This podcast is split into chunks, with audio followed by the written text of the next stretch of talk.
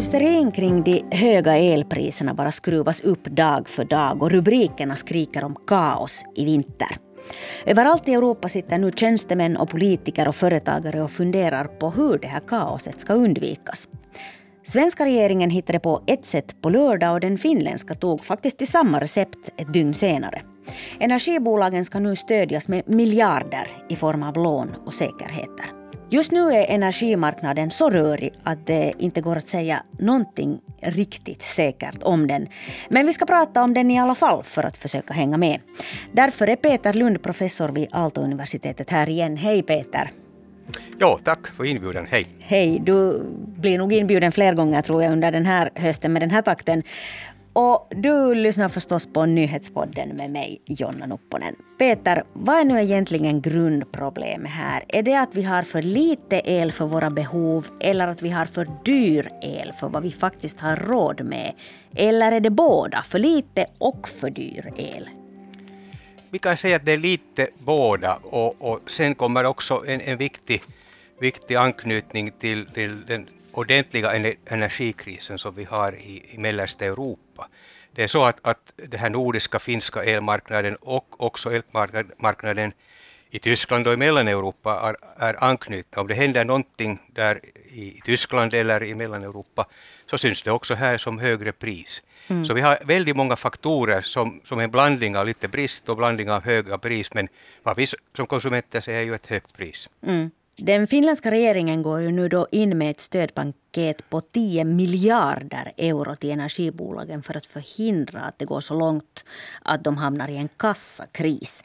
Det här handlar om, om statligt finansierade lån och lånegarantier till elbolagen som de kan lyfta vid behov. Och statsminister Sanna Marin säger att det ingalunda är fråga om något stöd utan det är en förebyggande åtgärd och att det är lån med väldigt stränga krav. Hur nödvändigt är det att staten nu ställer upp med sådana här stödåtgärder till energibolagen? Det är ju ett intressant läge därför att elbolagen är väldigt konkurrenskraftiga. De gör stora vinster när vi har mm. höga elpriser. Men eh, marknaden egentligen ändå uh, utvärderas deras risker så höga att man lånar inte sån här förbrukskapital. Alltså företagen har inte tillräckligt pengar att driva nu sina dagliga äh, det här aktiviteter. Och, och därigenom upp, uppstår en sån här dilemma att, att man, man gör vinst, kan göra vinst, men, men man har inte pengar att, att göra vinst. Så, så då kommer staten här att, att hjälpa till då finansmarknaden hjälper inte och, och ge eh, lånegarantier så att, att man kan, kan få den här äh, driftkapitalen som behövs att, driva verksamheten. För att producera el då alltså? El, ja, mm. ja, alltså det är ganska intressant alltså att man, staten stöder nu företagen, ger garantier så att företagen kan göra vinster och vi betalar ännu högre pris här så att det är en ganska, ganska intressant sån här kedja som vi har, har på gång. Det är ju en helt galen situation. Hur ska man alls förstå det här? Det är ganska galet. Äh, alltså, det är ju så att, att, när det blir brist på någonting, och nu blir det brist på elektricitet, så priset går högt upp, men produktionskostnaderna av äh, elföretagen har inte stigit. Det betyder att man gör alltid högre och högre vinst, men nu äh, kräver elbörsen, i synnerhet för de företag som säljer sina produkter på längre sikt via sådana här futurer, att de ställer garantier till det att de kan säkert då till exempel efter ett år när de producerar elektricitet och säljer det för den fixa priset, att, att de kan göra det med den priset. Så att, att, att de måste ge garantier till börsen att då köparna får alltid sitt elektricitet med den pris som man har lovat. Ja, elbörsen, ja, det är ju en helt egen värld. Den fungerar inte riktigt som de andra. Man säljer på något sätt sådana här, ja, förklara du åt mig, det är inte jag som ska förklara det här. Jo, alltså det är så att, alltså att äh, i synnerhet stora företag, eh, som till exempel statliga Fortum som producerar en tredjedel av finska elektriciteten och de har bra baskrafter, kärnkraft, vattenkraft, de har ganska fixa priser äh, och drivs med fixa kostnader.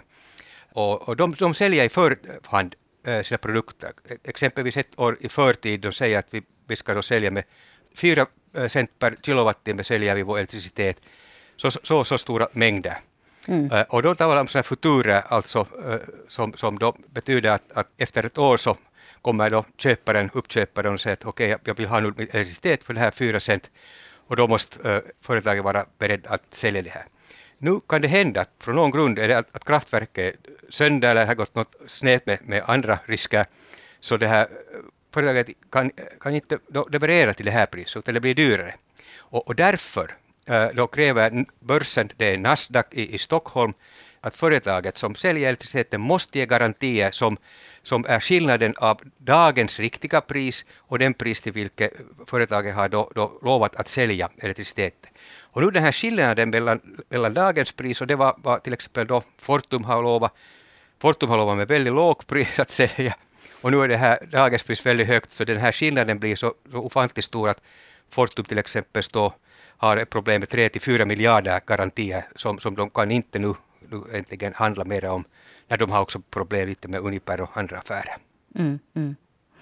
Som den här energimarknaden ser ut idag så det högsta priset på elmarknaden eh, blir priset på all el som produceras, tillverkas.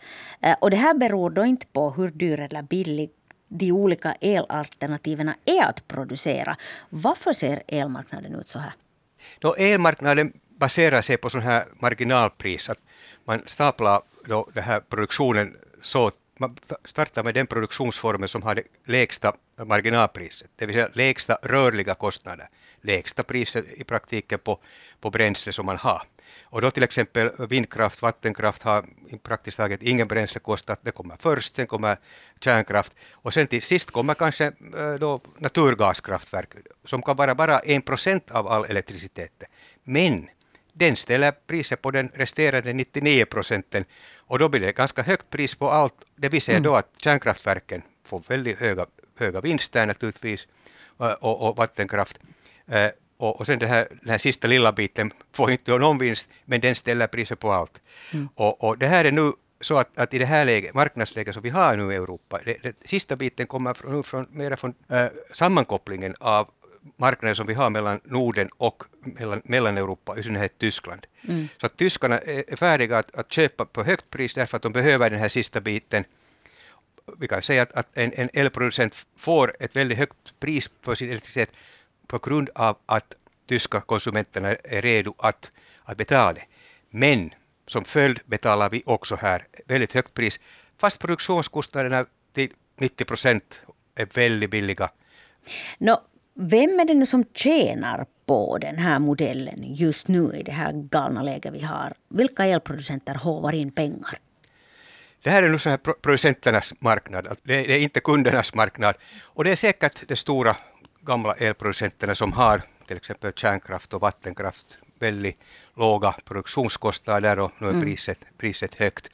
Uh, kanske någon vindkraftverk kan också få vinst, men ofta är det så att vindkraften säljs direkt till, till kunderna och går, går kanske förbi börsen så att, att den, den inte har sån här möjlighet. Man har fixa pris mer på vindkraftsanläggningar. Mm. Nå, vem är det som förlorar pengar på det här systemet som vi har? Är det någon annan än konsumenten som förlorar här? Nu, nu är det närmast konsumenten här, här som sen får betala Sist. det här höga, eh, tyvärr det här höga kostnaderna. Vi har kanske sådana distributionsföretag som alltså köper el från Äh, börsen och, och sen säljer till kunderna. Och, och om det nu händer så att, att priset bara stiger så det blir väldigt tufft för att, att sälja, sälja sen till kunderna. Prisskillnaderna blir för, för små. Men, men nu är det närmast vi som, som vanliga konsumenter som, som får betala ytterst högt pris nu och, och var och en märker det nog, nog i, i räkningen. Mm. Att el är en spekulationsvara verkar inte helt fiffigt med tanke på hur samhällsviktig elen är. Och vi ser ju nu också att det där elmarknaden inte just nu åtminstone verkar fungera särskilt väl. Varför kan inte elmarknaden fungera som en vanlig marknad? Eh, no, elmarknaden säkert fungerar nog som en vanlig marknad i, eh, normala förhållanden, men nu är, det, nu är det ju så att vi har till exempel nu Ryssland som, som då agerar direkt med sin, sin gasvapen mot, mot Europa har orsakat den här störningen som är ytterst sällsynt. Mm. Och, och, det ser ut att, att marknaden och marknadsmekanismerna fungerar inte riktigt i det här förhållandet där vi har en sån här extern stor, stor här störning i, i, i marknaden. Eh, I normala förhållanden har det fungerat bra över många år, årtionden men nu, nu är det tyvärr så när, när någon börjar spekulera och använda gas som ett vapen eh, så, så då, då är det klart att, att den här marknaden går, går omkull kan vi säga. Äh, det är ett ytterst, ytterst sällsynt men, men visar bara det att, att marknaden fungerar inte som den borde. Mm. Flera experter pratar nu om att marknadsmodellen för elhandeln måste ändras. Kanske inte bara tillfälligt utan helt och hållet.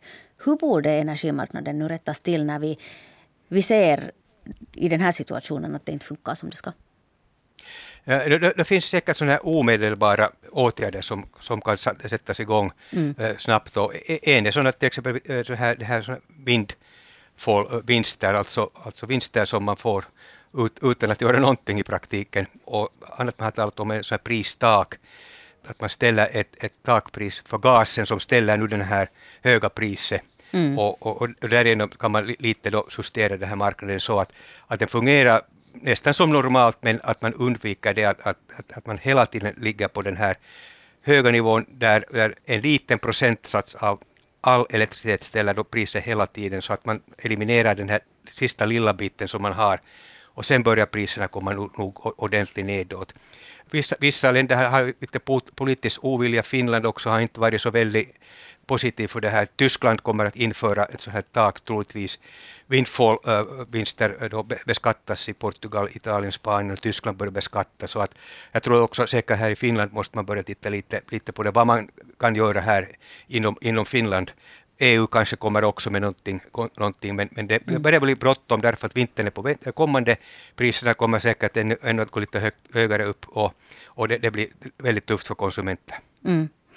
I Sverige har under den gångna veckan ett namn nämnts väldigt ofta. Bengt Ekenstierna heter den här mannen. Han är en svensk elanalytiker och diplomingenjör med mycket lång erfarenhet av energibranschen. Och han har räknat ut ett system om hur det här skulle kunna lösas. Han menar att det ganska enkelt går att råda bot på det här nu talar han visserligen om Sverige och de höga svenska elpriserna. Men kort och gott handlar hans modell om att den el som förbrukas i Sverige, alltså inom landet, ska prissättas enligt vad den kostar att tillverka. Och den el som exporteras, alltså ut från landet, ska få en helt egen prissättning. Det här låter ganska klart och redigt. Kunde det här funka också på annat håll, i Finland eller i Europa? No, det här var egentligen den gamla modellen som vi hade före den här, den här elmarknadsmodellen som uh, introduceras på 90-talet. Okej, okay, så det är egentligen uh, inte nytt? Ja, det är inte, inte nytt. Den fungerar i en så här sluten marknad, men nu när man tänker att vi har en öppen marknad och men, men jag, jag, tror att alltså, om man tänker lite nu på det här förslaget som han har, det, det kräver säkert sån här en EU-förändring, att EU är ju den och kommissionen som, som bestämmer Eh, men, men, på något sätt eh, kunde, kunde man tänka att vi, behöver någonting, alltså att, att bara fria marknaden skulle då, då bestämma. Det, den tycks gå snett. Mm. Så att någonting däremellan kanske, att, att vi måste ha viss re, reglering, staten måste lite reglera staterna uh, och, och se till att, att, att man skär ner den här högsta priset. Det är lite kanske samma stil som som Bengt Ekenstierna har förslagit, men, men mera med kanske den moderna marknadsmodellen som vi har det är klart vi behöver att göra någonting, att, att bara låta det gå betyder nog att, att vanliga konsumenterna får betala ofantligt högt pris för elektricitet. Och det, det, I läget där produktionskostnaderna egentligen har inte, inte stigit. Du var lite inne på det faktiskt eh, förra gången du var med i podden, just den här samma regleringen, att det är där på något sätt staten skulle kunna ha sitt finger med i spelet. Ja, alltså om, om, vi tänker att Tyskland nu säger att, att, att de kan sätta ett takpris, som är lite samma som Bengt har här då förslaget, sätta ett takpris här. Vi kan äh, också, också då, äh, beskatta vinsterna av, av företagen, det vill säga beskatta en viss del av vinsterna, bara inte allt, äh, för att hjälpa sen kunderna. Så det, här, det är något som nu, flera EU-länder säger att, att det är okej okay för deras lagstiftning, jag hoppas att det är också okej okay för vår lagstiftning att göra det där, därför att, att vi måste nu börja tänka också på kunderna vi vet ju att staten ger såna mindre pengar, mindre stöd, men nu är det fråga om, om att, att reellt se till att, att vi får de här elräkningarna nedåt. Mm. Tusen tack än en gång Peter Lund för att du hjälpte till att förklara det här för oss. Tack så mycket. Jag heter Jonna Nupponen och du har lyssnat på nyhetspodden från Svenska Yle. Producent är Ami Lassila och tekniker Staffan Sundqvist. Fortsätt lyssna på oss.